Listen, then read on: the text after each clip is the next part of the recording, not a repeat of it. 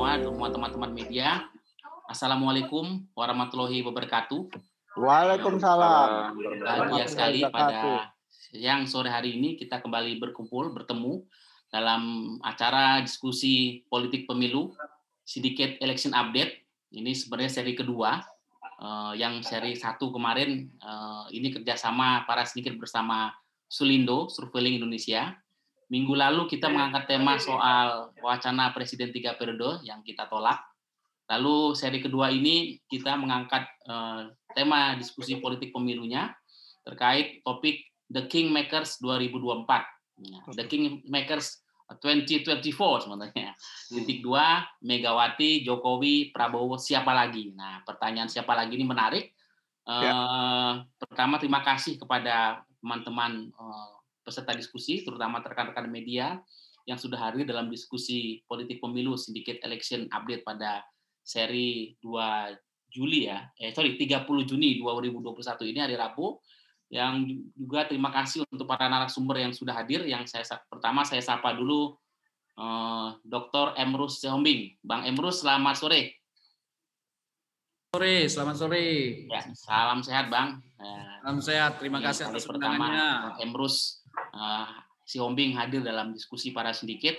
Biasanya itu selalu manggung di sebuah stasiun radio swasta yang siap anytime itu saya sering sekali mendengar Bang Emrus ini. Makanya kemarin kita coba hadirkan ini. Jangan cuma di radio swasta aja tapi juga ayo Bang hadir di uh, para sindiket Bang Emrus ini adalah dosen komunikasi politik uh, pasca sarjana di Universitas Pelita Harapan. Tapi terlebih ada dia beliau adalah dewan pakar dari Asosiasi Pembicara Profesional Indonesia Indonesian Professional Speakers Association IPSA. Terima kasih Bang Emrus Wombing. Nanti bagaimana kita melihat uh, komunikasi politik ini para king makers dan queen makers mungkin ini seperti apa. Terima kasih sekali lagi. Berikutnya Bung Wempi hadir. Bung Wempi hadir Direktur Eksekutif Sulindo. Mas Wempi, terima kasih.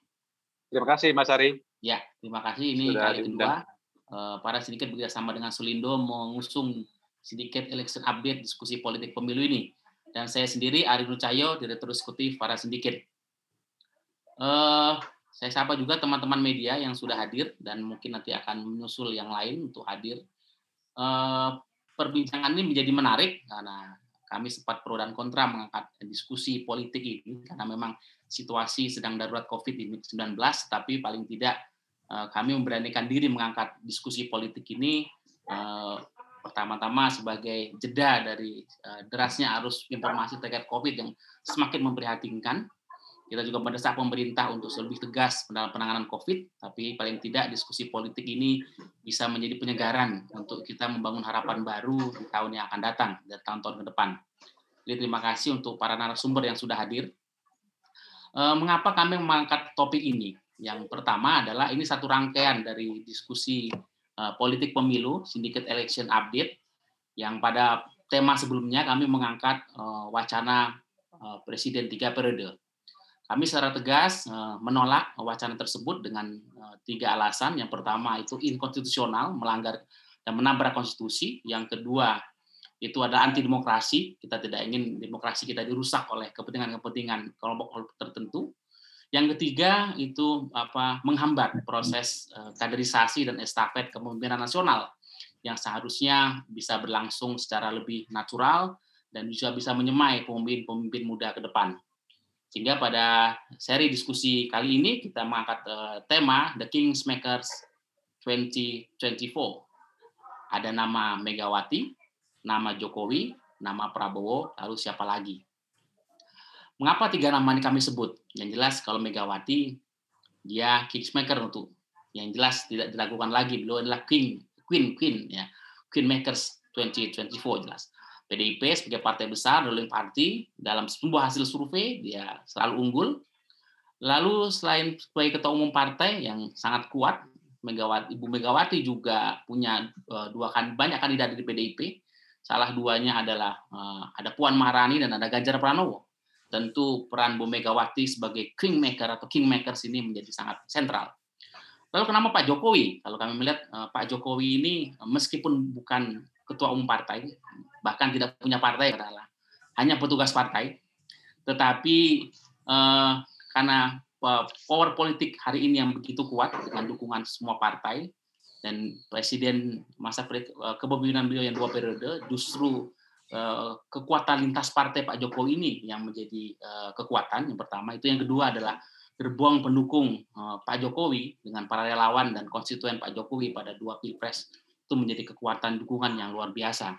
Sehingga posisinya sebagai lintas partai dan dukungan dan power politik yang kuat ini menjadi penting untuk mempertimbangkan Pak Jokowi sebagai salah satu kingmakers. Lalu Pak Prabowo jelas karena dia adalah ketua umum partai dan dia juga adalah calon presiden ya bahkan kemarin sudah membentuk Jokpro gitu seperti itu. Jadi eh, seperti apa? Nah, Pak Jok Pak Prabowo mungkin boleh jadi bagian dari skenario eh, presiden tiga periode.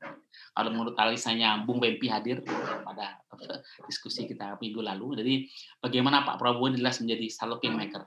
Lalu siapa lagi? Kita melihat misalnya Partai Golkar. Nah, Partai Golkar ini adalah eh, kalau dalam komposisi nanti Mas Bempi akan lihat bagaimana kira-kira konfigurasi 2024 dalam koalisi Eh, ketika ada PDIP, kemudian ada Partai Gerindra, Golkar jelas karena urutan ketiga dalam semua hasil survei.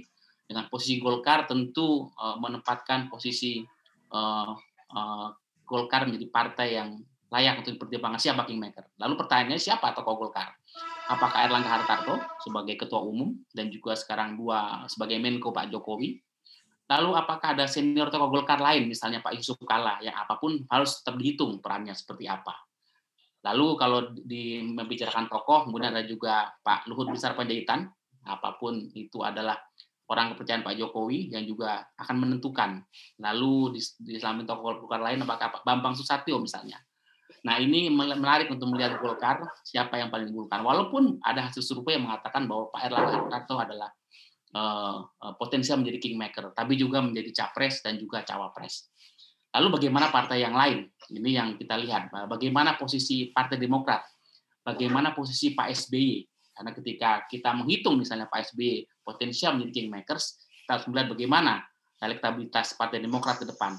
Bagaimana calon yang akan diusung oleh Partai Demokrat. Misalnya Mas AHY seperti apa. Ini akan menjadi variabel-variabel yang akan menentukan eh, seorang tokoh menjadi kingmaker. Supaya paling tidak kami mencatat tiga nama ini Eh, menjadi apa the big three jadi untuk uh, Kingmakers 2024. Nah, saya akan ke Mas Wempi dulu untuk melanjutkan provokasi yang tadi sudah saya berikan terkait dengan bagaimana siapa lagi ini tolong dijawab Mas Wempi. Adakah nama lain selain nama-nama yang saya sebutkan tadi? Yang jelas uh, kita perlu tahu nama mereka supaya kita bisa nanti saya arahkan juga ke Bang Emrus Hombing untuk bagaimana pola komunikasi politik dan kerjasama politik yang bisa dibangun para tokoh dan partainya untuk membangun koalisi yang baik, yang tetap demokratis, tapi juga mempertimbangkan bagaimana faktor-faktor politik identitas yang yang perlu kita antisipasi bersama supaya pengalaman dalam dua uh, beberapa pemilu terutama pilpres 2019 kemarin dan juga 2009 gitu ya itu menjadi pengalaman bu pelajaran kita supaya tidak lagi terjadi. Jadi pola komunikasi antar elit dan terutama Kingsmaker ini sangat menentukan kesejukan politik kita menjelang 2024. Apalagi dalam penanganan COVID-19 yang saat ini perlu kita kerjasama semua pihak. Nah, komunikasi politik menjadi sangat penting untuk satu sisi menjalin kerjasama lintas elit, lintas kekuatan politik, dan juga efektivitas menjalankan pemerintahan yang ada sambil juga mempersiapkan pemerintahan yang akan datang. Itu kira-kira pokok-pokok diskusi kita. Mungkin kita akan lebih ke uh, tanya jawab singkat begitu supaya lebih dirotasi secara ringan, dengan talk show ringan gitu ya. Ya, monggo Mas Fembi hadir untuk dilanjutkan. The Kingsmaker 2024, Megawati, Jokowi, Prabowo, siapa lagi kira-kira Mas? Dan bagaimana pola koalisinya ke depan? Silakan Mas Fembi hadir. Baik, terima kasih Mas Ari, Direktur Eksekutif para Syndicate atas kesempatan diberikan. Uh, saya mohon izin nanti mungkin akan uh, slide share. Mohon bantuan Mas Haji untuk uh, share slide yang sudah saya siapkan. Pertama, saya mengucapkan terima kasih kepada para syndicate atas kerjasama ini. Dan yang kedua, terima kasih juga kepada uh, Pak Emrus yang bersedia hadir. Dan juga yang terhormat dan yang terkasih uh, para senior dan juga media yang sempat hadir dalam uh, Zoom kita pada hari ini. Nah, saya kira tema kita pada hari ini sangat menarik ya. bicara soal the, Kings make, the Kingmakers 2024, Jokowi, Mega, Prabowo, siapa lagi? Mas Hari setidaknya saya melihat bahwa kalau melihat konstelasi politik yang ada hari ini, ada enam kingmakers yang saya kira bisa kita eh, apa ya bisa kita catat ya. Yang pertama adalah Jokowi. Nah suka tidak suka saya kira eh, Jokowi hari ini walaupun dia eh, bukan kader partai tapi dia mempunyai kekuasaan yang sangat powerful ya. Dia menguasai apa namanya kementerian dan lembaga strategis dan yang anytime itu bisa eh, apa ya kesetiaan mereka terhadap presiden itu sangat tinggi dan saya lihat di beberapa momentum ini menjadi kekuatan Pak Jokowi. Lagi apalagi Pak Jokowi sendiri saya kira orangnya cukup bersih dan sederhana sehingga kesetiaan uh, para pembantu Pak Jokowi itu sangat tinggi. Oleh karena itu saya kira ke mana pun arah politiknya akan dibawa atau di uh, apa ya didorong oleh Pak Jokowi ini juga sangat menentukan siapa yang akan menjadi presiden di 2024. Nah itu Pak Jokowi dengan segala kekuatan yang ada. Lalu yang kedua, Mas Ari, saya melihat bahwa Ibu Megawati, uh, PD Perjuangan hari ini sebagai ruling party dengan dua uh, pemilu terakhir menjadi pemenang, saya kira layak dia untuk menjadi uh, kingmakers atau queenmakers, karena saya kira kekuatan ini juga bisa dikapitalisasi untuk menjadi kekuatan elektoral pada pilpres yang akan datang. Nah, apalagi kalau kita melihat Mas Ari, Megawati hari ini sangat percaya diri dan saya kira hanya ada dua partai di Republik ini yang mempunyai militansi yang cukup tinggi ya dalam membangun soliditas partai. Yang pertama adalah PD Perjuangan dengan kekuatan yang sangat luar biasa dengan uh, apa namanya jargon-jargon memperjuangkan kepentingan Boncili dan sebagainya. Dan saya kira jargon ini sangat uh, apa ya menarik simpati kelompok kelas menengah ke bawah karena memang mayoritas uh, masyarakat kita adalah masyarakat uh, Boncili dan sebagainya. Dengan demikian uh, mengusung tema, mengusung isu tentang Boncili ini menjadi uh, sangat menguntungkan PD Perjuangan. Lalu yang kedua sebenarnya adalah Partai PKS. Nah, Partai PKS walaupun kecil, Mas Ari, saya melihat partai ini uh, promising ya, menjanjikan. Karena apa? Dia mempunyai militansi yang cukup tinggi dan uh, egaliter sama seperti PD Perjuangan. Tapi memang sayang, PKS sendiri juga mengalami turbulensi politik karena di internalnya tidak solid dan lain sebagainya. Faktor uh, apa namanya uh, moral saya kira yang menjadi uh, menghambat bertumbuh dan uh, berkembangnya Partai Demokrat, uh, sorry, Partai PKS. Karena dalam beberapa momentum kita lihat bahwa uh, elit PKS itu terjebak dalam persoalan kasus korupsi dan sebagainya. Lalu yang ketiga adalah figur Prabowo. Prabowo ini saya kira uh, dia berada pada dua sisi, ada dua kaki. Bisa menjadi kingmakers, bisa juga dia menjadi orang yang akan didorong oleh uh, koalisi yang akan nanti akan dibentuk. Nah, saya melihat bahwa Prabowo hari ini masih dilema. Apakah dia akan tetap maju atau dia akan mendeliver eh, apa ya calon lain atau mendorong calon lain untuk maju dalam kontestasi pilpres yang akan datang. Saya kira di tengah melemahnya elektabilitas Prabowo, saya, menurut saya dia sangat realistis dan akan menghitung kekuatannya. Kalau seandainya sampai di 2023 nanti tingkat elektabilitas, Prabowo, eh, elektabilitas Pak Prabowo tidak eh, menjanjikan atau uh, meningkat, menurut saya akan ada kalkulasi politik yang ulang dari Pak Prabowo. Mungkin saja dia akan mendorong kader lain dari Partai Gerindra yang akan berkoalisi dengan PD Perjuangan. Nah, kalau itu yang terjadi, saya kira uh, ini pelajaran penting juga buat uh, politisi kita bahwa tidak seharusnya uh, para senior itu masuk dalam gelanggang. Mereka bisa saja menjadi kingmakers menjadi pelatih di luar uh, arena pertandingan. Lalu yang keempat, Mas Ari, saya melihat bahwa uh, SBY. SBY masih mempunyai beban sejarah dalam hidupnya karena dia belum berhasil mengantarkan anaknya masuk dalam gelanggang politik nasional. Dan saya kira visi dan mimpi uh, yang sudah lama dibangun tidak hanya oleh Pak SBY tapi juga oleh ibunda uh, apa namanya Ibu Ani. Saya kira sebelum dia wafat mereka sangat all out mendorong AHY untuk masuk dalam kontestasi politik. Bahkan dia masih mayor pun dalam karir militernya itu terpaksa dia harus melepaskan dan bertarung dalam pilkada ke Jakarta. Nah, menurut saya hasrat yang begitu tinggi ini tidak mungkin akan padam selagi Pak SBY masih ada. Oleh karena itu saya kira kalau kita melihat bagaimana perjuangan PSB yang mengorbitkan AHY, termasuk mengorbitkan dia menjadi ketua umum partai menurut saya itu adalah salah satu jalan untuk mendongkrak eh, apa ya posisi AHY sehingga layak untuk dipertimbangkan dan disejajarkan dengan para tokoh-tokoh eh, ketua umum partai yang lainnya. Tapi lagi-lagi memang eh, butuh waktu ya untuk eh, mempunyai apa namanya eh, kapasitas yang setara dengan para pemain-pemain yang lainnya. Lalu yang kelima Mas Hari saya lihat eh, Pak JK Pak JK walaupun tidak punya partai politik hari ini Mas Ari, tapi saya melihat bahwa uh, Pak JK ini sangat lihai dalam progress. sangat lihai dalam uh, memainkan perannya. Nah, kita lihat bahwa dalam berbagai momentum politik, terutama dalam Pilkada DKI Jakarta, uh, Pak JK adalah salah satu hero ya untuk menjadikan Anies sebagai gubernur DKI Jakarta.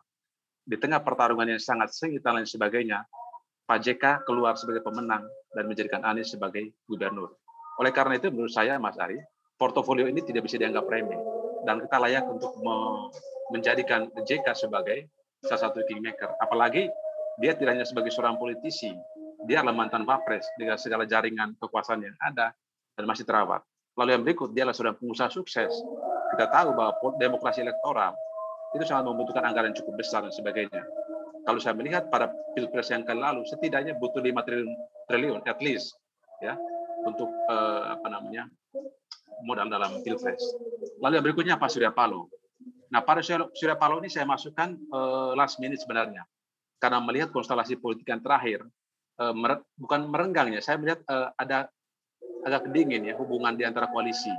Jadi seolah-olah Pak Surya Paloh itu mungkin tidak akan diajak lagi dalam koalisi yang uh, akan datang di, dari 2024. Dengan demikian, kalau saya melihat manuver politik daripada Nasdem, dia mencoba untuk berada di luar daripada uh, garis koalisi yang ada hari ini. Dengan demikian, kita lihat bahwa ada enam kingmakers yang uh, menjadi penentu pilpres yang akan datang. Slide yang berikutnya, Mas Aji.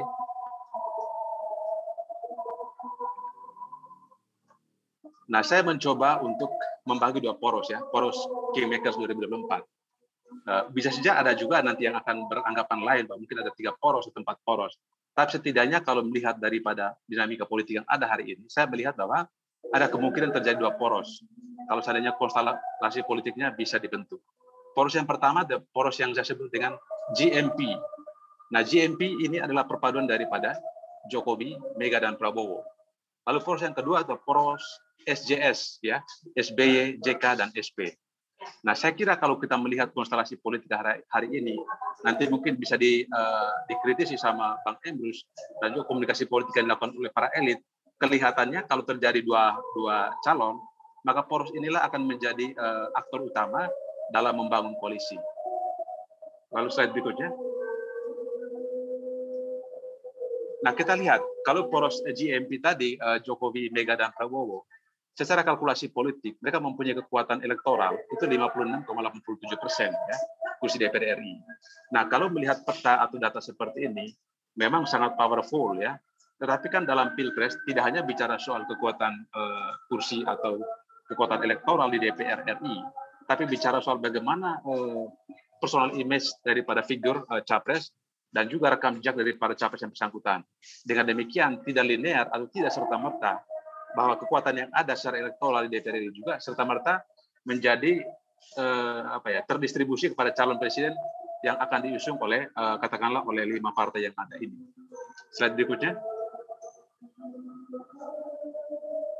Nah, sementara untuk poros SJS, eh, SBY, JK dan eh, Pak Surya Paloh, secara kalkulasi politik mereka mempunyai 43,13 persen ya. Dengan demikian kalau kita membandingkan antara uh, poros uh, GMP dan uh, SJS, tentu saja secara kalkulasi politik, poros GMP itu sangat promising untuk mendapatkan kekuatan elektoral yang tinggi. Tapi lagi-lagi uh, pilpres dan juga pemilihan kepala daerah, persona figur itu sangat menentukan, bukan persoalan uh, berapa uh, kursi DPR yang dimiliki oleh partai yang bersangkutan. Lalu slide berikutnya. Dipersingkat ya Mas Hempi. Siap. Nah ini potensi ya, potensi capres dan cawapres uh, yang akan datang dari poros GMP, saya melihat ada empat figur ya yang potensial. Bisa saja nanti mungkin ada muncul figur lain ya dalam perkembangan ke depan. Tapi yang sekarang saya melihat ada empat. Yang pertama Prabowo Subianto, eh, sekarang Menhan, Ketua Gerindra. Yang kedua Ganjar Pranowo, hasil surveinya bagus setiap kali eh, disurvei dan juga menjadi gubernur Jawa Tengah. Lalu Puan Maharani, Ketua DPR hari ini, dan juga anak dari eh, Ibu Megawati Soekarno Putri. Dan yang keempat adalah Sandiaga S. Uno. Lalu yang dari poros SJS, saya lihat bahwa ada potensi enam, uh, enam figur di sana. Ada Anies Baswedan, ada Erlangga, ada Agus Harimurti uh, Yudhoyono, ada Pak Erick Thohir, ada Ridwan Kamil, dan Ibu Kofifa. Lalu saat berikutnya. Nah, kalau tadi uh, dua poros, kalau seandainya terjadi tiga poros politik, ya, saya mencoba untuk uh, menggambarkan yang pertama, JMP tetap solid kalau tiga, tiga poros JMP. Lalu yang kedua adalah poros SJS, ya, uh, apa namanya? Uh, sebenarnya bukan poros SJS ya, tapi ini poros SP plus, ya, SP plus. Jadi SP plus dalam hal ini adalah dengan Golkar. Nah, mengapa saya tidak menaruh figur Golkar sebagai uh, kingmaker? Karena Golkar itu ibarat perusahaan, dia perusahaan emiten, perusahaan publik. Yang anytime itu uh, pemainnya bisa berubah oleh karena itu saya kira karena Nasdem tidak akan berubah pemain tetap Surya Paloh, maka saya mencoba untuk uh, menggambarkan sebagai SP+. Nah, nanti siapa yang menjadi penentu di Golkar di 2023 atau 2024 itu bisa ditambahkan. Lalu poros yang ketiga adalah poros SBYJK. Nah, menurut saya poros ini ini adalah poros yang tetap hidup dan komunikasi politik tetap berjalan dan punya potensi untuk uh, bekerja sama pada Pilpres di 2024 yang akan datang. Slide berikutnya. Nah, ini potensi capres masing-masing poros ya. Kalau seandainya tiga poros skenario-nya, poros JMP tetap ya, tapi dia berkurang dengan uh, Ganjar. Poros JMP itu adalah Prabowo Subianto, Puan Maharani, dan Sandiaga Uno. Sementara poros SBJK itu Anies Baswedan, Agus Harimurti Yudhoyono, dan Erick Thohir. Nah, yang menarik adalah di poros SP Plus ini, ada Erlangga di sana, ada Ganjar Pranowo. Nah, mengapa Ganjar Pranowo ditarik ke sana? Kalau saya melihat eh, apa ya desas-desus dari internal eh, Golkar dan juga Nasdem, mereka sangat tertarik dan welcome dengan figur Ganjar Pranowo. Manakala di uh, poros JMP nanti tidak mengakomodir seorang Ganjar Pranowo, maka akan menarik saya kira bagaimana distribusi kekuatan uh, kelompok nasionalis yang notabene uh, Pak Ganjar sendiri juga kelompok nasionalis dan ketika digusung oleh poros G apa poros SP plus ini menarik ya kita melihat bagaimana distribusi elektoral di apa namanya kelompok nasionalis. Slide yang berikutnya.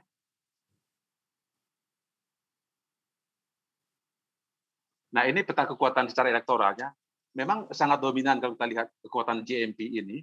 Dia mempunyai kekuatan 52 persen ya.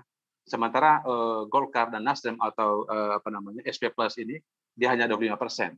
Sedangkan poros JK dan SBY itu 21,39 persen. Memang sangat dominan kekuatan JMP ini. Kalau seandainya mereka bersatu dan uh, tidak ada keretakan di internal, maka dipastikan ini uh, apa ya potensi untuk menang itu sangat tinggi. Slide berikutnya. Nah, saya kira ini hanya gambaran saja peta kekuatan partai berdasarkan pemilu 2019 dan 2000 eh, apa namanya pemilu 2019 yang uh, lalu. Berikut, lanjut. Ini juga hanya uh, apa namanya hasil survei. Nah, itu Mas Ari, saya kira memang di 2024 nanti ada potensi paling tinggi tiga calon dan tiga poros ya. Poros yang tadi saya sampaikan tadi ada GMP, ada SP plus, ada SB dan JK. Nah, kalau terjadi hanya dua poros, maka ada poros GMP tetap, ada eh, poros eh, SJS ya, eh, SBY, JK dan Surya Paloh. Saya kira demikian Mas Arya bisa sampaikan. Saya kembalikan. Ya, luar biasa. Terima kasih, Bung WMP hadir, Mas WMP. Ya. Siap, Mas. Uh, sedikit agak berbeda dengan saya. Uh, saya menemukan jantung ke Bang Emrus Semuing saya. BMP berbeda dengan saya Bang, nanti eh, Bang Emrus akan menganalisa lebih lanjut, terutama juga bagaimana koalisi eh, apa politik dan bagaimana komunikasi politik ke depan. Saya menempatkan eh, Bu Mega nomor satu, tapi Mas BMP justru Pak Jokowi nomor satu. Lalu saya tidak menghi, eh, saya tadi saya tidak menghitung Pak Surya Paloh, tapi Mas BMP menghitung Pak Surya Paloh. Nah, saya menghitung Pak Erlangga Hartarto, tapi Mas Wembi tidak menghitung Pak Erlangga Hartarto. Nah ini menarik hmm, kalau kita gabungkan ini bagaimana juga uh, enam enam tokoh kingmakers uh, versi Mas Wembi ini sama beberapa varian yang tadi saya tambahkan soal bagaimana posisi Pak Erlangga, bagaimana Pak Pak Luhut sekarang hari ini. Nah, bagaimana bagaimana Bambang Susatyo. Jadi uh, sebenarnya posisi Golkar itu menarik karena ada posisi di, di jembatan ya kalau saya melihat yeah. dari skenario dua poros dan tiga poros nanti Pilpres 2024 ini, posisi Golkar menjadi sangat menarik karena dia posisi di jembatan, mau dua poros atau tiga poros. Tetapi yang memainkan justru bukan orang Golkar, saya melihat, tapi justru Surya Paloh yang akan memainkan jembatan yang Golkar ini. Jadi susu Bring, uh, connection soalnya. Iya. Ada di situ kalau saya melihat iya. analisanya Mas Wempi. Yeah. Uh, bagaimana Bung apa Bang Emrus Hombing melihat uh, apa kingmakers ini, nama-nama lain ini, dan bagaimana poros koalisi, dan terutama kita lihat apakah mungkin misalnya tadi Mas Wempi menyebut uh, kuala poros SBJK. Apakah mungkin SBJK itu secara komunikasi politik, secara komunikasi politik disatukan?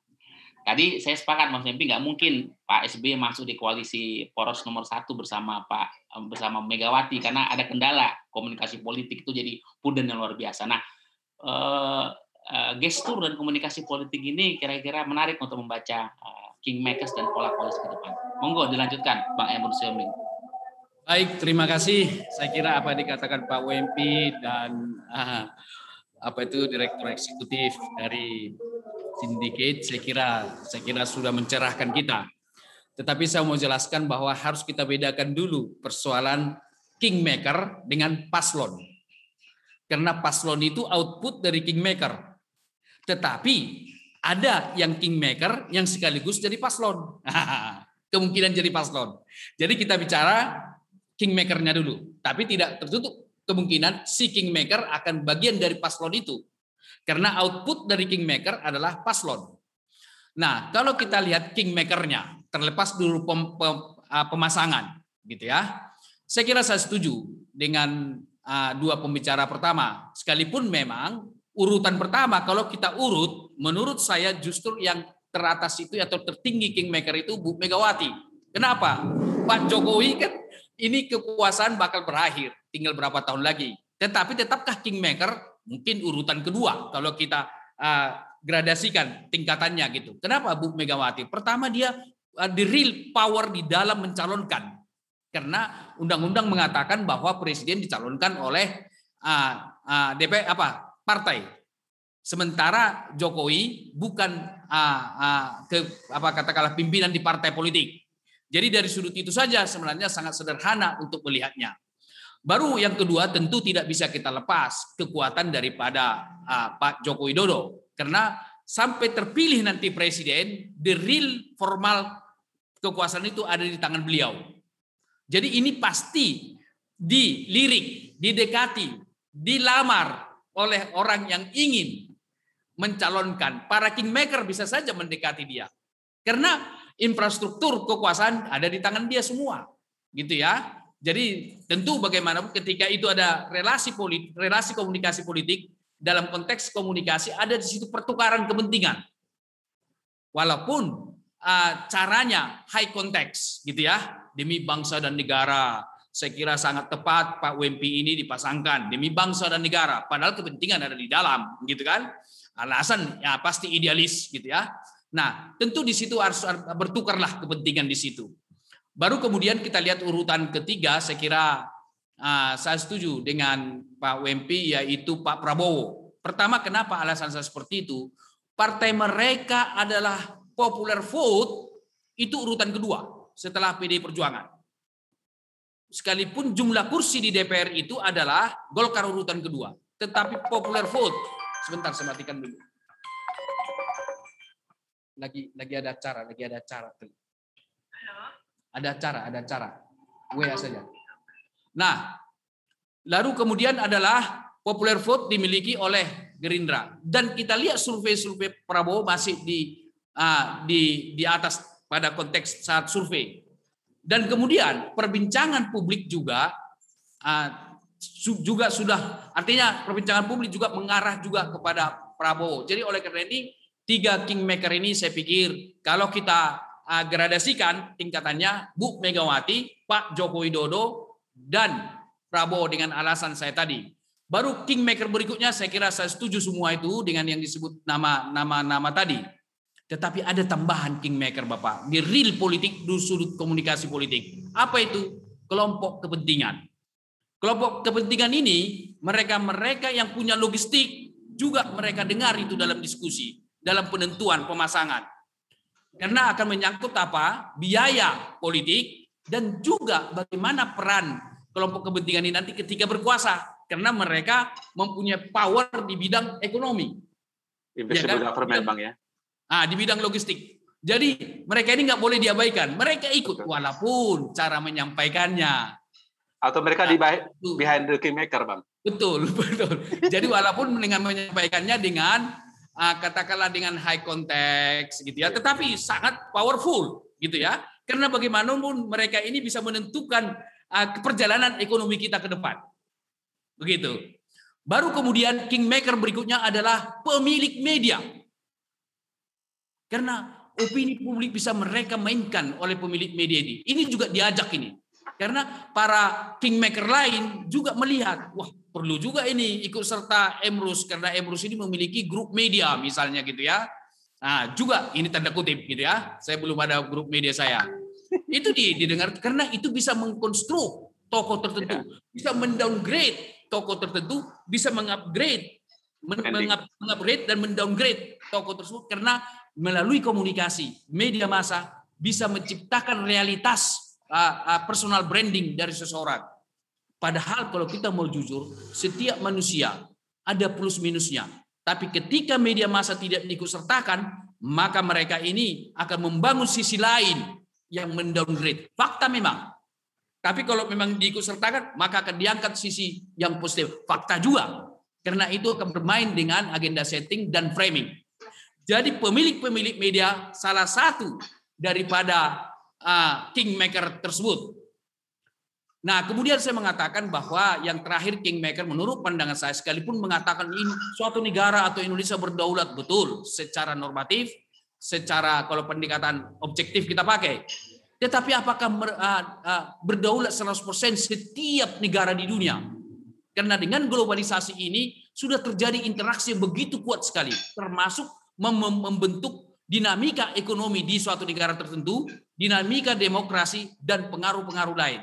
Jadi kekuatan internasional juga akan menentukan mereka walaupun secara tidak langsung mereka mengkalkulasi itu. Mungkin tidak terlibat dalam suatu uh, uh, penentuan secara diskusi tetapi secara tidak langsung itu akan menjadi kalkulasi.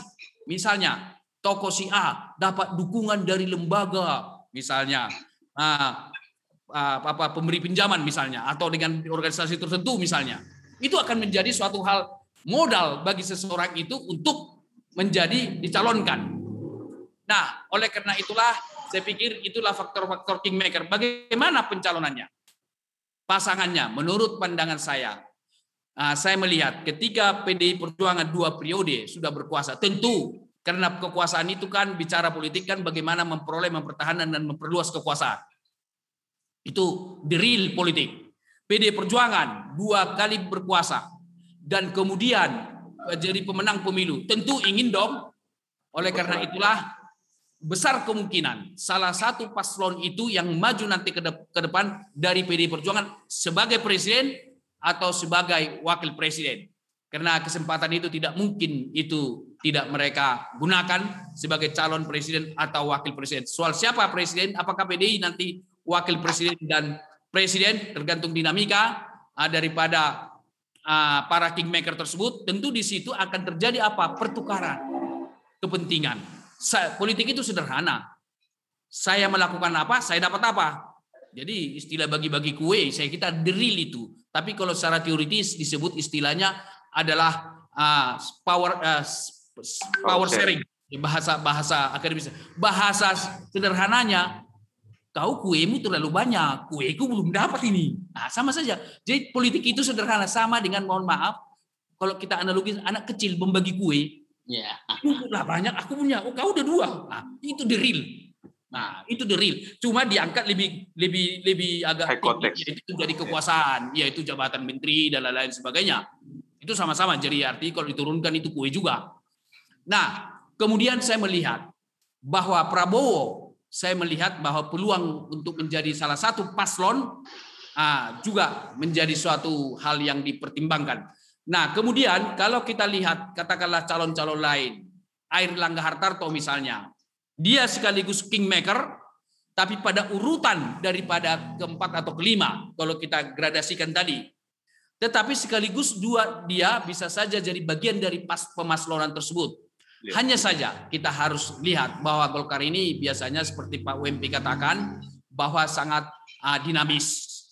Ya. Jadi uh, uh, uh, sangat tergantung kepada dinamika yang terjadi. Tidak ada hitam putih. Kalau PD Perjuangan ada unsur hitam putih. Misalnya kita melihat ketika SBY berkuasa, dia langsung ngambil pilihan di oposisi. Tapi kalau Golkar selalu di dalam kekuasaan. Gitu ya. Saya kira sudah tradisi mereka. Oleh karena itu, karena selalu ada di kekuasaan amat sulit untuk menjadi leading, gitu ya. Karena orang akan melihat oh siapa yang berkuasa di situ ada nah, tergantung pilihan. Nah, oleh karena itulah saya berpandangan bahwa ah, pencalonan-pencalonan itu sebenarnya ah, sangat tergantung daripada panggung belakang politik. Kalau mau jujur, pemasangan paslon itu dikomunikasikan, ditransaksikan di panggung belakang politik di sini. Walaupun nanti dilontarkan sianu pasang sianu sianu pasang sianu, sebenarnya di, di panggung belakang politik sudah semakin realistis itu. Sudah semakin uh, menikah mereka tanda kutip. Sudah ada mahar tanda kutip orang kalau mau menikah misalnya. Sudah mendekati. Bahkan hipotesis saya, mereka sekarang sedang memperbincangkan itu di panggung belakang politik itu untuk menentukan pemasangan. Tetapi ada suatu tawaran bagi saya. Sebagaimana terkait apa yang dikatakan oleh Kodari bahwa akan terjadi polarisasi di depan gitu ya. Walaupun saya tidak setuju gitu dengan tiga periode dan lain-lain. Bahkan dia sekarang saya baca di media lima periode ya kata mendukung dia. Ada saya baca itu. Aduh, saya kira outside. Periode, bang. Kita usul tiga ribu periode. Ah, sumber hidup aja. Nah, outside itu. Nah, jadi kalau saya mengatakan pemasangan di panggung belakang politik dan di situlah the real politik. Jadi bukan yang dimunculkan di media. Kenapa? Karena begitu peristiwa itu diberitakan, media juga memframingnya, sudut pandangnya dan lain sebagainya. Jadi di real politik diatur menurut penelitian saya ketika ngambil dokter saya adalah di panggung belakang politik yang kita tidak tahu, hanya elit-elit lah yang tahu. Jadi mereka di situ transaksional, ah, kepentingan-kepentingan, baru tetapi begitu keluar nanti akan ber, mereka berbicara idealis, kepentingan bangsa dan negara. Padahal sudah selesai diatur. Emrus jadi menteri ini, Wimpi jadi menteri, Wimpi man jadi menteri ini sudah diatur. Karena apa? Pemasangan tidak lepas daripada uh, apa power sharing tersebut yang dilakukan sebelum mereka tanda kutip ke uh, ke KUA untuk dinikahkan. Saya kira demikian sementara. Terima kasih. Siap. Luar biasa, Bang Emrus Sombing. Jadi makin ramai kita nih kalau. Tapi Bang Emrus belum menjelaskan, belum menjelaskan bagaimana hubungan Mega sama SBY itu tidak mencair itu mengapa? Kita lanjutkan ini. boleh, boleh. Agak Terima sulit, kasih. Agak sulit itu mencair. Terima kasih, Bang Emrus Siombing.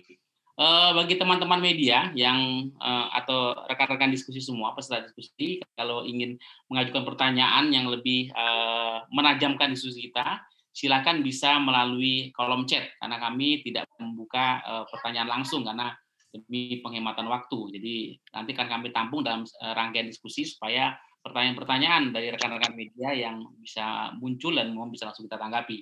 Atau nanti melalui doorstop eh, kepada masing-masing narsum melalui kontak eh, nomor kami atas izin para narasumber nanti kami bisa memberikan kontak langsung para narasumber supaya bisa langsung penajaman terkait dengan pertanyaan di redaksi atau seperti apa framing segala macam. Ya, terima kasih Bung Wempi dan apa Bang Emrus.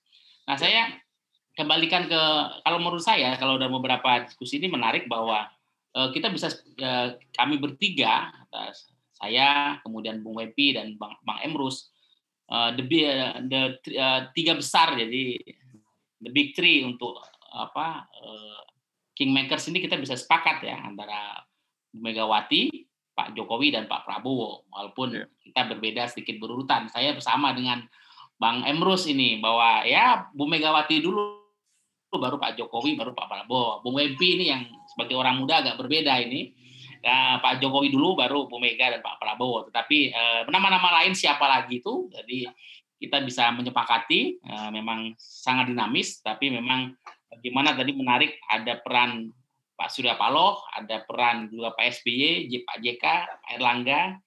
Eh, dan yang menarik, Mas Wembi, kalau kita lanjutkan lagi, ya. itu soal kelompok kepentingan. Lalu ada eh, pemilik media.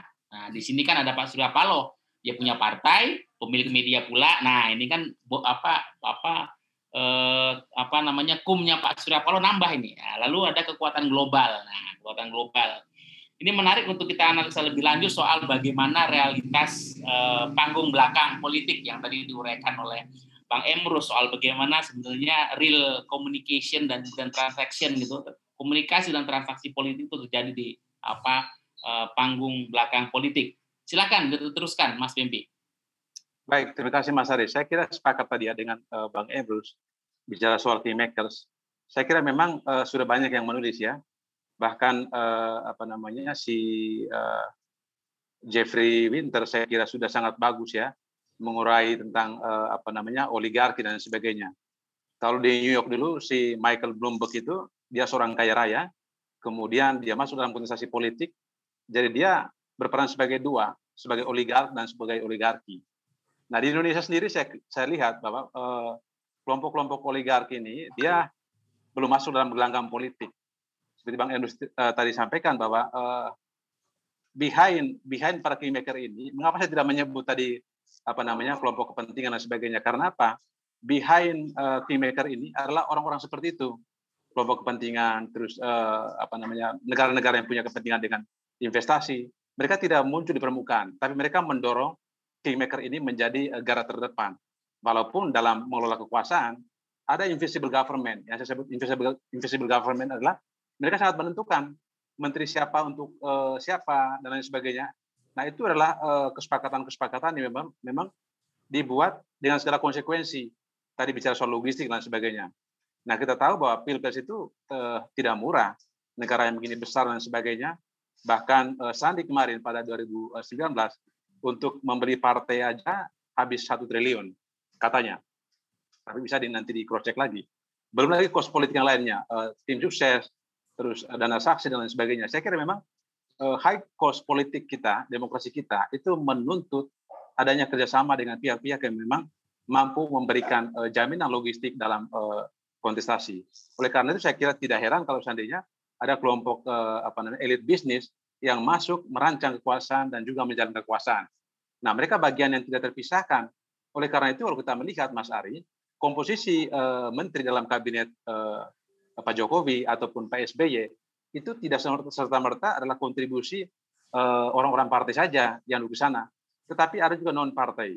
Nah dengan demikian ini menggambarkan bahwa mereka punya saham politik ketika menjadikan seorang presiden. Nah saham politik ini yang kemudian di, uh, di rebate atau diberikan kembali kepada mereka-mereka yang punya jasa dalam uh, mengantarkan soal jadi, jadi, jadi presiden. Oleh karena itu kalau kita melihat peta kabinet Pak Jokowi maupun Pak SBY dulu itu nyaris 50-50. Artinya sebenarnya adalah pengaruh non partisan itu juga sangat penting seperti disampaikan Bang Emrus tadi. Mereka tidak bisa dianggap remeh. Tetapi lagi-lagi mereka tidak muncul dalam permukaan karena sangat high risk ya. Karena teman-teman ini kan teman-teman yang bergerak di dalam bisnis dan lain sebagainya dan mereka cenderung safety player, menjadi aman. Jadi siapa pun yang akan menang itu mereka mencoba untuk berada di sana.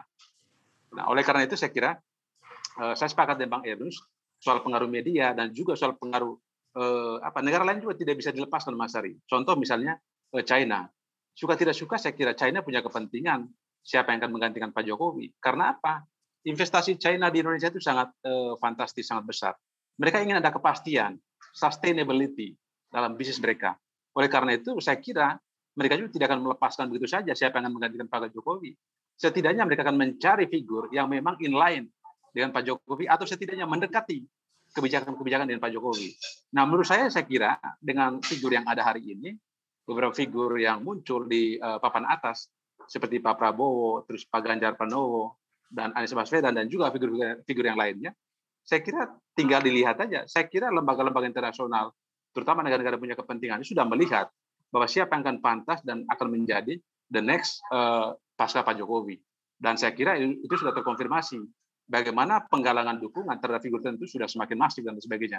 Ini juga tidak bisa dibaca bahwa ini hanya bergerak secara natural, tetapi ini juga bisa di, uh, dilihat bahwa ada intervensi dari kelompok yang punya kepentingan agar uh, mereka menjadi bagian daripada aktor kekuasaan di 2024 nanti. Saya kira begitu, Mas Ari. Ya, terima kasih, Bung Wempi.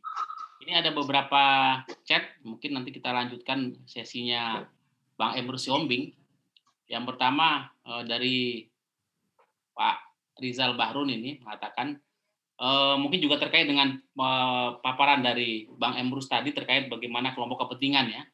kalau ada poros nasionalis kemudian ada poros agamis, lalu bagaimana kelompok radikal atau kelompok kanan ini akan memberikan posisi akan mempengaruhi apa karena mereka bisa mengalir poros agamis. Nah itu bagaimana kita melihat antara kelompok nasionalis dan kemudian agamis itu uh, bisa apa namanya quote in quote ya disusupi oleh uh, kelompok uh, kanan, radikal kanan, terutama untuk yang kelompok agamis itu, sehingga persoalan-persoalan polarisasi yang kemudian membelah masyarakat itu memang menjadi perhatian kita, tetapi tentu kita sepakat metodenya bukan dengan tiga periode atau tiga ribu periode, tapi bagaimana estafet kepemimpinan nasional dan komunikasi politik para elit itu juga kita bisa kembangkan dengan lebih baik, juga juga bagaimana membangun kesadaran di tengah masyarakat. Nanti di, bisa dilanjutkan sekaligus ditanggapi oleh uh, Bang Emrus. Lalu dari Pak Don Bosco Doho ini menarik soal bagaimana juga terkait kelompok kepentingan, terutama soal tadi Bang Emrus sudah mengatakan terkait kekuatan global ya, walaupun itu terutama juga sini soal Indonesia pernah punya poros Jakarta Peking, bagaimana kedekatan sudah pemerintahan saat ini Pak Jokowi dengan Cina ya. Bagaimana Bang Emrus melihat ini eh, soal relasi dengan Cina? Tentu kalau saya boleh menambahkan, mungkin bukan hanya dengan Cina, tapi juga bagian dengan Amerika, bagian dengan Rusia. dengan dengan apa namanya bukan hanya poros Jakarta Peking, di poros Jakarta Washington, lalu poros Jakarta Moskow. Itu menjadi menarik untuk kita bedah dalam konteks tadi kekuatan global. Eh, dan juga sekarang sebenarnya sebenarnya saya bisa menambahkan lagi poros Jakarta vaksin. Jadi bagaimana para apa namanya holder vaksin-vaksin ini karena eh, eh, para bisnismen kesehatan ini menjadi kekuatan global yang ikut akan ikut mempengaruhi peta politik dalam negeri. Silakan dilanjutkan, Bung Emrus Yombing. Baik, saya pikir bicara tentang kelompok kepentingan, kalau secara literatur itu disebut adalah di antaranya adalah pemodal atau pebisnis, gitu ya. Nah, para kapitalis, karena bagaimanapun mereka ingin eh, keberlanjutan bisnisnya, ke, apa uh, usahanya dan lain-lain. Oleh karena itu, mereka juga uh, punya kepentingan untuk bagaimana ikut serta dalam dinamika politik biasanya mereka, bukan biasanya, ada misalnya orang mereka sudah ada di partai. Orang mereka sudah ada di kekuasaan. Jadi bisa saja orang itu menang di pemilihan, di belakangnya memang logistiknya dari kelompok kepentingan. Tapi setelah dia duduk di situ tentu relasi mereka tidak terputus gitu ya. Bahkan bisa juga partai itu punya relasi juga dengan konglomerat. Saya kira yeah. pernah itu dikatakan oleh salah satu politisi kan, yeah. oh partai itu sudah menjadi bagian daripada konglomerat apa milik konglomerat yeah. tanda kutip lagi gitu ya. Ada yeah. disampaikan bukan milik tapi berinteraksi lah saya sebut ya. Itu yeah. saya perhalus saja bahasanya. Artinya jadi konglomerat ini suatu atau orang kaya ini tidak bisa dilepas karena mereka punya power untuk itu punya power untuk itu. Karena bagaimanapun salah satu kekuatan dalam politik adalah ekonomi. Itu di real. Di seluruh dunia itu terjadi. Jadi oleh karena itu, sekalipun kelompok kepentingan itu adalah uh, maksud saya kelompok kepentingan para para uh, pemodal ini. Tapi kalau kita buat dalam suatu uh, pol, apa pembedaan supaya kita bisa memahami, jadi ada kelompok kepentingan itu biasanya di luar partai, ada kelompok berkepentingan. Ah, yang berkepentingan ini yang ada di berpolitik di partai. Jadi Apa kelompok berkepentingan itu menarik sekali, Cep. Nah, Oke. Okay. Kelompok ya, berkepentingan yaitu partai politik. Pasti berkepentingan. Kenapa? Karena dia ikut partai politik, mendirikan partai politik pasti berkuasa. Baru kelompok kepentingan yang ada di literatur. Di literatur belum ada kelompok berkepentingan. Yang ada kepentingan gitu ya.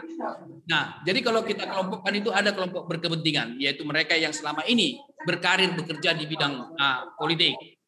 Kemudian adalah dengan uh, kelompok katakanlah relasi atau pengaruh global China dan lain-lain sebagaimana saya pendapat dengan apa yang dikatakan Pak Wempi bagaimanapun mereka akan kalkulasikan.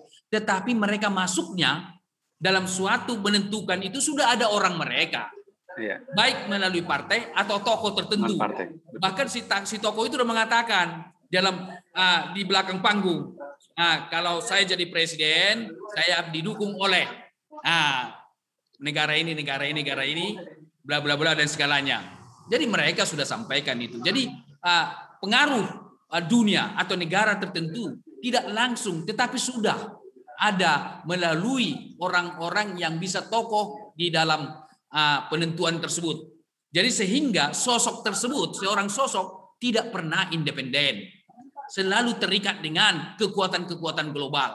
Jadi secara tidak langsung dia menjadi representasi daripada suatu kekuatan ekonomi.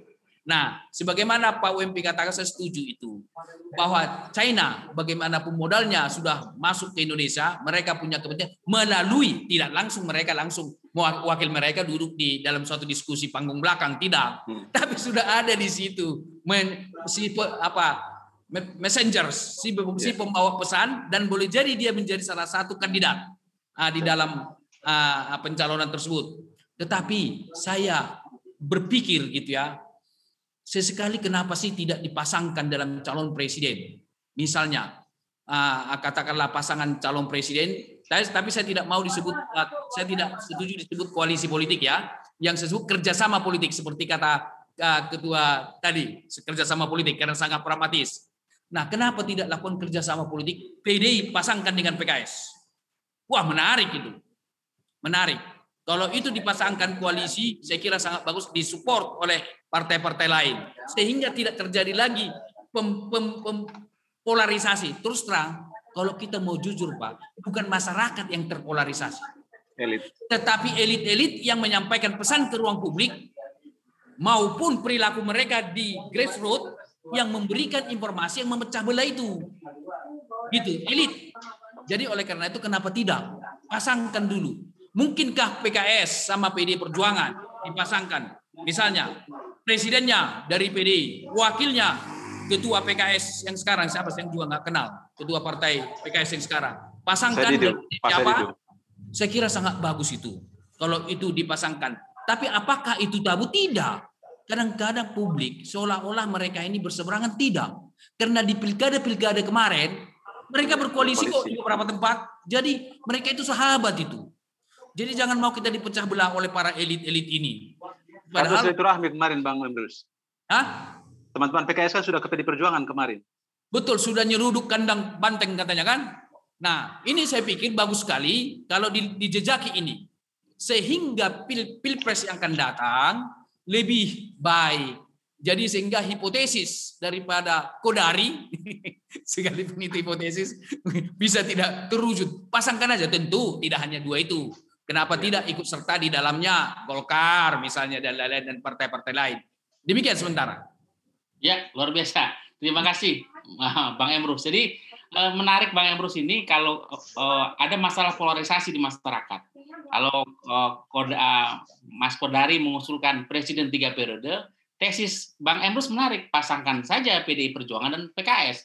Betul. Ini sebuah eksperimen politik yang perlu untuk kita gedor di ruang publik supaya para elit kita itu mendengarkan.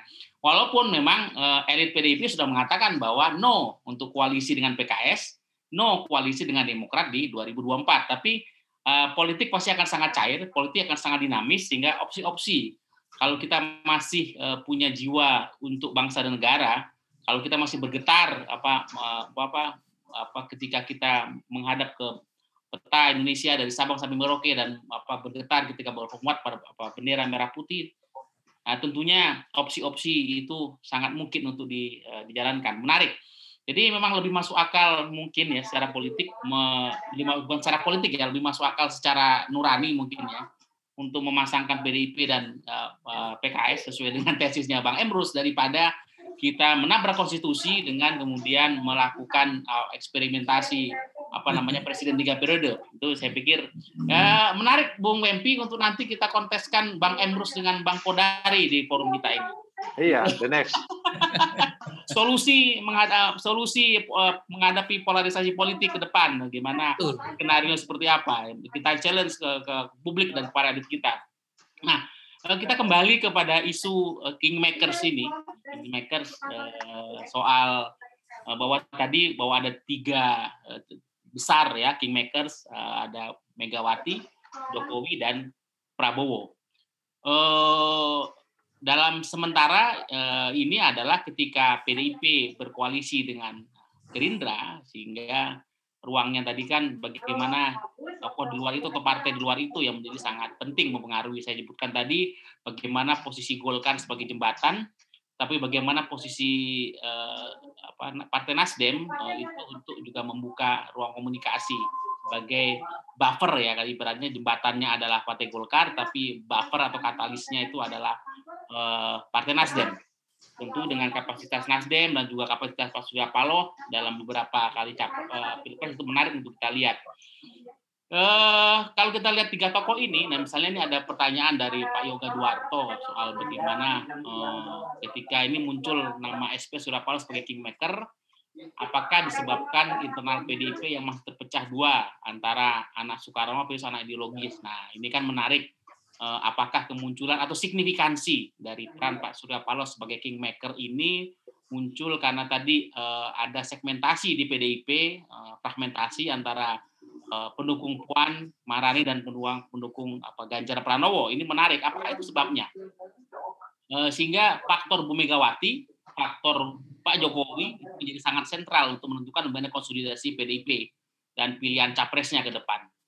Eh, dan juga kalau misalnya internal PDIP terbelah akan berada di mana kelompok Surya Paloh sebagai kingmaker. Nah ini menarik bagaimana fungsi Partai Nasdem dan Pak Surya Paloh sebagai katalis atau sebagai katalis dalam proses uh, menjembatani komunikasi politik yang bisa terbangun untuk uh, Pilpres 2024. Silakan dilanjutkan untuk kita fokus pada peran the, the, the big three ya, kingmakers, yeah. Iya. uh, Megawati, Jokowi, dan Pak Prabowo dalam koneksinya dengan Partai Golkar dan Partai Nasdem. Silakan Mas Membi. Ya, terima kasih Mas Yoga. Saya kira pertanyaan penting dari Mas Yoga ya mengapa Surya Paloh berani menjadi eh, mengambil posisi untuk menjadi kingmaker. Nah, saya kira kita melihat bahwa selalu ada ada reaksi terhadap aksi ya. Hubungan antara uh, Surya Paloh dalam hal ini Nasdem dengan partai koalisi hari ini terutama dengan uh, ruling party dalam hal ini Perjuangan itu tidak seharmonis dulu. Dan bahkan di hadapan publik pun uh, secara simbolik itu dinyatakan secara vulgar oleh ketua umum Perjuangan kalau kita melihat waktu uh, pelantikan Jokowi kalau saya nggak salah di DPR, bagaimana Bu Mega itu uh, mencoba untuk melangkahi Pak Surya Paloh dan tidak mau menyalami dengan Surya Paloh. Saya kira politik Jawa itu sangat uh, syarat dengan simbol ya. Dan Bu Mega itu saya kira sudah banyak portofolio orang-orang yang memang dia anggap itu menyakiti hatinya itu tidak ada no apologize ya. Hmm. Dan itu memang pernah dialami oleh Pak SBY hingga hari ini. Sampai dunia kiamat pun dia no apologize bagi siapa pun yang menyakiti dia. Oleh karena itu saya kira Pak Surya Paloh menyadari betul posisinya. Dia berada sama dengan Pak SBY. Jadi tidak mungkin ada ada ada jembatan untuk komunikasi lanjutan karena di ruang sangat terbuka sekalipun dia melakukan uh, apa ya semacam serangan terbuka. Nah, menyadari posisi itu saya kira Pak Surya Paloh melakukan political gambling, ya. Jadi semacam perjudian politik lah, ya kan. Kalau menang cuan, cuan gede. Karena apa? Mungkin Surya Paloh melihat bahwa kekuasaan itu maksimal hanya dua periode dalam alam demokrasi biasanya periode ketiga atau uh, setelah dua periode itu ada transisi transisi kekuasaan uh, partai terhadap uh, apa, kekuatan yang lain. Saya kira hitungan Pak Surya Paloh itu sangat jelas. Dia melihat bahwa ketika ada dinamika di internal PD Perjuangan, lalu dia membuka opsi, ya. Apalagi kalau misalnya konflik di PD Perjuangan tidak akan uh, happy ending, saya kira akan akan mengalami turbulensi politik bagi PD Perjuangan dan bisa menjadi political gamblingnya Surya Paloh itu akan berbuah uh, cuan, untung di 2024. Karena apa? Kalau seandainya konstelasi politik dan PD Perjuangan tidak mampu menempatkan dirinya sebagai orang nomor satu dan mengambil tongkat utama, saya kira ini akan mendegradasikan atau akan menurunkan semangat para kader PD Perjuangan untuk berjuang. Karena apa? Ini partai papan atas. Kalau posisi tawar mereka hanya menjadi calon cawapres, saya kira rendah banget eh, tawaran PD Perjuangan. Kader mereka itu sangat militan dan sebagainya. Kekuatan politik sangat besar dan mereka adalah partai yang berkuasa hari ini. Oleh karena itu saya kira PD Perjuangan mesti hati-hati dalam menentukan sikap politik dari 2024. Sebaiknya mereka tetap firm mengambil posisi sebagai capres. Siapa pun capres yang diusung uh, dari PD Perjuangan, yang penting kader PD Perjuangan, apakah Puan, apakah Ganjar, tetapi mereka harus mengambil posisi nomor satu. Ketika mereka mengambil posisi nomor dua, dan ada kader uh, internal apa namanya uh, PD Perjuangan yang di dikhianati atau merasa disakiti, saya kira ini akan menjadi gelombang politik yang sangat mengejutkan PD Perjuangan dan bisa saja tidak menguntungkan PD Perjuangan di 2024 yang akan datang. Misalnya, kalau seandainya Puan yang dicalonkan sebagai capres ataupun cawapres, lantas eh, Pak Ganjar yang notabene secara elektoral lebih kuat daripada Puan, kemudian tidak diakomodir, saya kira partai lain seperti partai yang saya bilang tadi Pak Surya Paloh, Nasdem, yang sangat kental dengan political gambling, mereka mengambil momentum ini untuk melakukan uh, serangan balik ya. Dan saya kira oh ini sangat efektif. Apalagi persona figur seorang Ganjar Pranowo itu tidak bisa tidak bisa di apa dianggap remeh. Dia dianggap itu sebagai the next Jokowi karena apa? Merakyat, sederhana, berangkat dari keluarga yang uh, sederhana juga dan sebagainya. Dan memang uh, dalam berbagai survei persepsi publik, masyarakat itu sangat senang dengan figur yang sederhana, dekat dengan rakyat, sopan dan lain sebagainya. Dan figur itu melekat pada uh, Jokowi. Maka ketika Jokowi dihadapkan dengan uh, Prabowo dalam dua kali kontestasi pilpres, ini kan antitesa. Satunya sederhana, satunya elitis, satunya pro rakyat, satunya tidak pro rakyat, dan lain sebagainya. Saya kira dalam pilpres yang akan datang di 2024 juga akan mengalami yang sama. Orang akan lebih cenderung memilih presiden yang dianggap dekat dengan rakyat. Karena apa? Ini dianggap representasi daripada mayoritas masyarakat Indonesia yang notabene kelas menengah ke bawah. Oleh karena itu menurut saya sangat mudah bagi kita untuk melihat siapa yang akan menjadi kampion di 2024 kalau seandainya kita jeli melihat figur-figur yang muncul di tiga papan atas hari ini antara Pak Prabowo, Ganjar Pranowo, dan Anies Baswedan. Saya kira tiga figur ini adalah antitesa. Pak Ganjar itu antitesanya terhadap Pak Prabowo. Pak Ganjar adalah antitesanya terhadap Pak Anies. Maka bisa disimpulkan siapa yang lebih di antara tiga figur itu. Saya kira itu Mas Ari yang bisa sampaikan. Ya, ya makin mengerucut. Terima kasih Bung Wempi. Ini ada pertanyaan dari Mas Pas, Pas Mas LB Waluyo. Di antara para kingmaker itu, jadi posisi Bu Megawati itu selain sebagai kingmaker yang paling berpeluang untuk mendudukan calonnya, jagoannya di jadi pilpres nanti, tapi juga uh, kingmaker yang paling pusing karena tadi ada problem internal di PDIP ya. Nah ini uh, apakah seperti itu ya? Seperti posisi ini bisa dilihat ya. sebagai titik keretan untuk kemudian bisa dipakai rival kontestasi untuk menjadikan Megawati misalnya menjadi berlarut larut. Dan bagaimana sebenarnya uh, satu sisi apakah kita uh, melihat sosok Bu Megawati Bu Megawati ini memang sangat sentral dalam kingmakers ini. Dan nomor satu saya sepakat memang paling most powerful kingmakers ada Bu Megawati. Tapi memang kompleksitas persoalannya juga sangat kuat di pusaran Bu Megawati ini. Tapi juga melihat melihat hubungan Bu Megawati dengan Pak Surya Paloh Ya, kalau ketika periode satu memang hubungan mesra Bu, Bu Megawati dan Surya Paloh cukup mesra ya, Bang yeah. Emrus ya. Tapi kemudian ketika periode kedua itu kemesraan digantikan oleh uh, Pak Prabowo ya kemudian sekarang lebih mesra. Posisinya dari uh, attach kemudian jadi detach nih posisinya Pak Surya Paloh sekarang. Menarik Dengan Prabowo itu CLBK, Mas. Ya. pernah menjadi calon wakilnya kan? Bu Mega. Persis. Jadi dalam the, the big three antara Megawati, Jokowi dan Prabowo ini Pak Surya Paloh menjadi menarik untuk kita lihat karena saya melihat sosok Pak Surya Paloh ini seperti almarhum apa Bang Taufik Mas. Kalau dari segi profil, pendekatan gayanya itu lebih bisa uh, cair, mengalir dan open orangnya seperti itu ya. Uh, seperti sosok Pak Taufik Mas ini justru saya menyebutkan tadi peran Pak uh, Surya Paloh justru sebagai katalis untuk membangun Apakah mungkin Bang Emrus untuk membuka lagi komunikasi kemesraan dengan Bu Megawati misalnya? Lalu terjelas dengan Pak Jokowi, Pak Surya Paloh dekat. Dengan Pak Prabowo juga. Nah, tapi kan kita perlu ingat, yang pertama di 2000, 2009 itu eh, Pak Joko Pak Pak Surya Paloh ini juga termasuk yang paling pertama mengajukan Pak Jokowi itu ketika masih di DKI kan. Lalu 2012 ya ketika pilpres pertama ya periode pertama Pak Jokowi. Jadi bagaimana kepiawaian seorang Surya Paloh? Nah justru powerfulnya ada di Bu Mega, tapi eh, terjadi kerenggangan hubungan dengan Surya Paloh. Tapi bagaimana posisi Pak Prabowo dan kemudian Pak Jokowi yang sebenarnya juga sangat sentral dalam posisi ini. Nah bagaimana komunikasi politik, nah, terutama posisi Pak Surya Paloh dalam konteks uh, tiga tokoh uh, kingmakers ini dengan posisi Pak Surya Paloh yang bisa kita diskusikan lebih lanjut. Silakan, bagaimana analisa uh, Bung Emrus terkait komunikasi politik di antara empat orang ini katakanlah empat tokoh ini. Silakan. Baik. Saya pikir tidak lepas daripada kepentingan di panggung belakang dan itu sangat cair. Artinya bahwa uh, di, sebelumnya juga kita lihat mereka mesra, kemudian agak renggang. Itu wajar saja. Ketika mereka mesra, karena mereka ada titik temu kepentingan. Kenapa mereka katakanlah renggang? Karena ada perbedaan kepentingan. Jadi saya meneliti tentang hubungan relasi antara para politician. Jadi ketika kepentingannya mereka bersatu, bertemu ada titik temu, ada kesepakatan, titik temu, mereka saling mengingatkan itu, saling mendukung itu.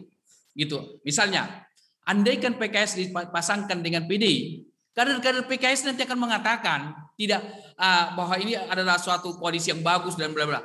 Artinya pesan komunikasi yang dilontarkan didrive oleh kepentingan politiknya. Demikian juga mereka ketika nanti pemasangan-pemasangan tersebut. Jadi ini masih sangat dinamis, sangat dinamis.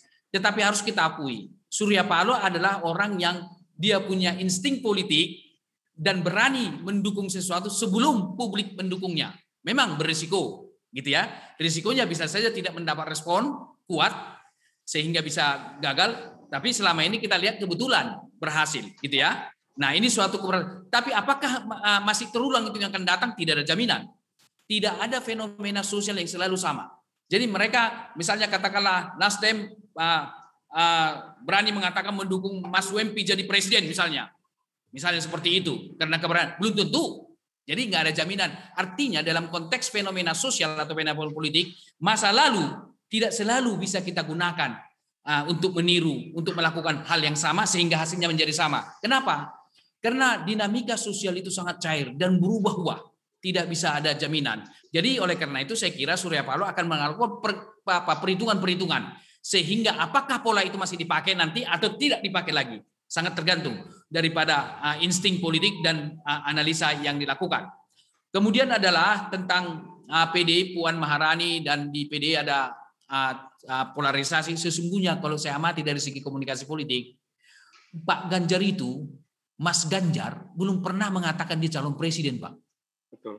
Satu kalimat belum. Bu Puan Marani juga belum pernah mengatakan dia calon presiden. Tetapi publik yang punya kepentingan. Jadi ada saya melihat sekelompok orang, ya nggak usah saya sebut dari mana sumbernya. Jadi bukan bukan bukan kekuatan ini yang dilamar, mereka ini yang berpindah musim. Jadi apa yang namanya dari suatu daerah ke daerah lain karena ada banjir atau apa ya, kalau, apa berimigrasi. Kan ada itu ya. burung bermigrasi. Migrasi Jadi mereka gitu ya. mereka saya lihat bermigrasi. Karena apa? Di sini sudah mau berakhir musim. Tinggal tiga tahun lagi nih kurang musimnya. Jadi mereka membuat lahan baru. Nah, ingin bermigrasi. Tetapi sayangnya, tokoh yang diusung ini seolah-olah menikmati. Harusnya dia bilang, oh jangan kalian usung saya. Karena uh, uh, uh, apa dinamika politik di internal partai kami tidak seperti itu. Nanti terjadi polarisasi. Jangan bawa nama saya. Harusnya begitu. Tapi kadang-kadang pola politisi karena menguntungkan dia dibiarkan. Nah ini menjadi masalah. Sehingga di tengah publik terjadi seolah-olah polarisasi. Jadi di PD Perjuangan pasti mengambil keputusan yang ada di dalam. Tentu inilah yang mau dimainkan oleh orang yang bermigrasi ini. Bahkan ada mengatakan kalau tidak diusung ini sosok ini kami akan tinggalkan partai ini. Ada itu beredar. Begitu. Sehingga kekuatan-kekuatan semacam ini saya melihat ada upaya-upaya depar apa deparpolisasi. Deparpolisasi. Deparpolisasi. Seolah-olah kekuatan ini yang menentukan di ruang publik. Seolah-olah mereka punya powerful, tapi jangan lupa mereka itu lupa, atau mereka itu lupa bahwa orang yang mendirikan partai di partai politik itu udah berdarah-darah itu bekerja. Tetapi orang-orang kelompok-kelompok ini pas menjelang panen dia datang, tidak berjuang. Nah, kalau mau berjuang politik, dirikan dong partai baru. Tetapi mau panen, dia mendukung dalam bentuk apa pun namanya. Gitu ya, saya nggak mau sebut namanya nanti diperbincangkan pula. Kami bukan begitu, gitu nanti kan. Nah, Cilakanya ketika dia mendukung, kalau nggak dapat kue lagi ketika berkuasa, bersungut-sungut lagi. Ada kan yang bersungut-sungut kemarin, tapi begitu dikasih kue, diam dia. Nggak usah disebut lah kawan itu kan. Nah, artinya bahwa ini harus kita perbaiki. Jangan sampai karena kekuatan tertentu dan mereka uh, ikut panen di menjelang mau panen, tapi berjuang uh, membabat sawah, menanam, mengapa tidak ikut. Gitu loh. Ini yang saya lihat. Ada saran saya kepada teman-teman yang menjadi calon presiden. Kita sebut aja calon teman-teman kan karena mereka itu calon teman kita juga kan. Saya menyarankan kepada mereka ada semacam MOU antara partai politik dengan paslon bahwa semua relawan di bawah partai, di bawah koordinasi partai. Wah, bagus itu. Nah, ada semacam MOU seperti itu. Sehingga si calon tidak punya relawan ke depan supaya relawan ini tersalur kepentingan politiknya, perjuangan politiknya sesuai dengan dinamika atau sesuai dengan ideologi daripada partai itu. Nah, tetapi kalau itu tidak terjadi, susah dikendalikan. Bahkan coba perhatikan, Kadang-kadang mereka yang memberikan dukungan ini lebih lebih lebih eksplisit pesan-pesannya di ruang publik. Padahal mereka pekerjanya menjelang panen. Jadi saya terus terang mengatakan bahwa ah, mengenai di PD Perjuangan tidak ada polarisasi sesungguhnya, tetapi orang-orang kelompok tertentu yang memainkan. Saya kira Pak UMP kita pernah diskusi di suatu tempat tertentu Pak UMP. Ada juga lembaga survei yang mengatakan calonkan ini. Ada itu Pak UMP, nggak usah disebut nama lembaga surveinya, jelas sekali. Sehingga setelah saya ikuti, lembaga survei ini selalu memenangkan nama itu apakah memenangkan atau menang secara real gitu oke lah gitu ya ada itu jadi artinya lembaga survei juga questionable juga gitu loh iya. questionable juga sehingga dalam diskusi kami saya mengatakan itu bahwa kita juga lembaga survei yang harus diperhatikan juga karena mereka tapi, sudah punya tapi bang Emrus bang Emrus bertanggung jawab loh ketika mengusungkan suatu nama dulu tuh Hah? Buk, yang mengajukan, mengajukan itu kan lembaga survei tertentu kan disebut nama oh. waktu itu Iya, kan bukan ah. saya. Ah. ah. Ternyata surveinya selanjutnya yang menang yang disebut itu. Ya mudah, ah, boleh jadi secara empirikal menang juga gitu loh. Karena yeah. memang kenapa menang? Popularitas karena sudah dibangun di ruang publik. Yeah. Diwacanakan karena komunikasi, teori komunikasi kalau semakin diwacanakan terus menerus dan misalnya ke keberhasilannya diangkat, orang wah hebat. Padahal kalau mau jujur, kalau mau jujur, si calon tersebut yang diangkat itu bermasalah nggak COVID di sana? bermasalah. Ada nggak kekurangan di sana? Ada nggak rakyat yang menderita di sana? Ada, tapi nggak terangkat. Artinya bahwa terjadi framing juga, gitu loh. Sehingga seolah-olah publik mengatakan, wah ini sudah hebat, ini sudah hebat. Di framing juga oleh kelompok yang tentu yang saya katakan tadi bermigrasi itu. Jadi harusnya para elit politik ini bersatulah mereka. Jadi jangan mau dipecah belah oleh orang-orang kelompok yang bermigrasi itu karena di sini sudah musim mau berakhir, ya coba tempat lahan baru yang nanti bisa mereka memetik hasil. Kan begitu. Ya, ya terima kasih luar biasa Bang Bang Emrus. Jadi menariknya jadi bahwa semua gonjang ganjing politik 2024 yang masih jauh dari ya uh, masih dua dua tiga tahun lagi ya. Ini memang saya kita melihatnya ada sekelompok orang katakanlah saya berani menyebutnya ada gerombolan politik ada yang ya. bahasa halusnya adalah mungkin menawar memberikan relawan atau apa pun itu namanya yang melakukan migrasi politik dalam bahasa Bang apa Bang Emrus tadi. Tapi yang jelas mereka punya kepentingan yang sama untuk melihat bahwa 2024 itu sebagai proyek politik mereka. Hmm. Jadi proyek politik 2024 ini sehingga satu sisi mengganggu fokus uh, pemerintah untuk penanganan COVID, satu sisi juga mengganggu eh, konsentrasi para elit politik untuk melakukan konsolidasi dan membangun komunikasi politik yang yang konstruktif. Dan saya setuju dengan gagasan Bang Emrus bagaimana uh, ke depan ini mekanisme relawan itu bisa dikonsolidasikan berada dalam koordinasi parpol sehingga uh, terjadi lagi deparpolisasi. Tapi juga kita harus menjamin juga bagaimana reformasi partai politik juga berjalan pada koridor yang benar supaya uh, partai politik sebagai the most powerful institusi politik itu tidak kemudian menjadi katakanlah terjebak pada uh, pola-pola korupsi kekuasaan dan korupsi politik itu menjadi catatan juga.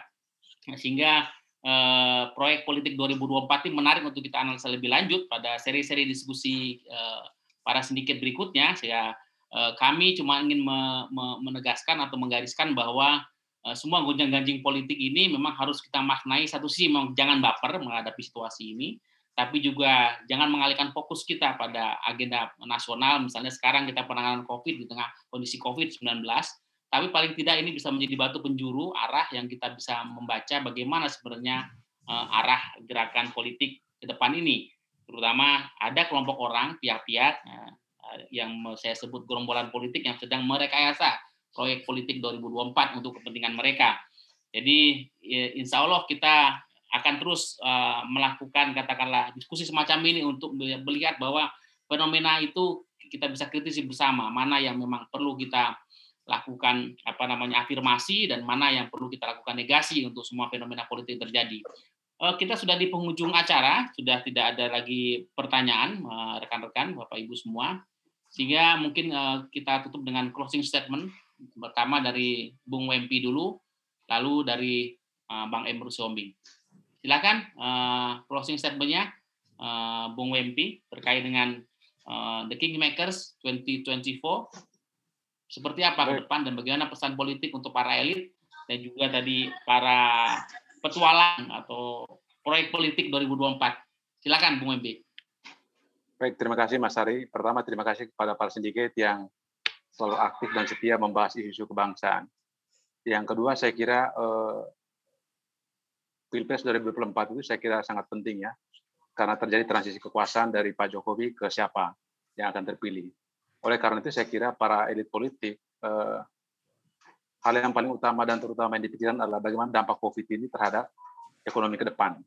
Oleh karena itu saya kira perlu ada persatuan dari tingkatan elit untuk tidak boleh lagi terjebak dalam polarisasi politik seperti yang dibangun pada pilpres-pilpres sebelumnya. Karena itu akan menguras energi untuk melakukan apa namanya semacam rekonsiliasi ulang dan sebagainya. Oleh karena itu saya kira para elit mestinya sudah membahas atau uh, melakukan desain yang matang bagaimana mengeluarkan Indonesia dari berbagai persoalan yang uh, sedang dan akan dihadapi akibat pandemi COVID-19. Kita lihat bagaimana dampak secara ekonomi, dampak secara sosial, dan juga dampak uh, dampak yang lainnya. Oleh karena itu menurut saya para politisi mestinya lebih bicara soal apa ya hal-hal yang strategis ketimbang bicara soal deal kekuasaan, bicara soal koalisi-koalisi siapa mendapatkan apa dan sebagainya. Dan yang paling penting menurut saya adalah tidak menggadaikan kepentingan nasional dengan kepentingan internasional. Karena kita ketahui bahwa saya kira sepakat dengan Bang Emrus tadi, politik nasional tidak terlepas dari intervensi internasional. Oleh karena itu, saya kira eh, kedaulatan politik kita itu mesti menjadi hal yang utama. Tidak boleh digadai hanya atas dasar kepentingan eh, ekonomi ataupun bisnis yang dilakukan dengan eh, negara-negara tertentu. Saya kira itu Mas Ari, poin dari saya. Ya, terima kasih. Bung Wempi hadir, Direktur Eksekutif Solindo, Surveiling Indonesia. Terima kasih. Sampai berikutnya, Bung Bang Emrus Yombing, silakan closing statementnya. Ada dua poin yang saya sampaikan. Pertama adalah ketika di wacana publik muncul, dimunculkan atau diwacanakan sosok tertentu sebagai pemimpin yang punya kemampuan, punya kemampuan dan lain-lain sebagainya. Karena itu adalah pencitraan dan berpeluang untuk merugikan partai di mana seorang kader yang diangkat itu harusnya si kader itu yang muncul ke permukaan. Setelah utamakan kepentingan partainya daripada wacana itu, jangan dinikmati. Jadi kalau memang ada wacana mengatakan mengangkat dia tetapi menjadi menimbulkan suatu polemik dan mem, bisa mempunyai persepsi tidak baik kepada partai, harusnya si sosok tersebut yang langsung uh, maju ke depan, membela partainya. Sekaligus itu menjadi bagi kita adalah melihat loyalitas kader tersebut. Tapi ketika si kader tersebut membiarkannya, berarti loyalitasnya kita pertanyakan. Yang kedua, ketika nanti pada pemilu yang akan datang ada paslon presiden kita dua atau tiga, anggaplah asumsi dua paslon.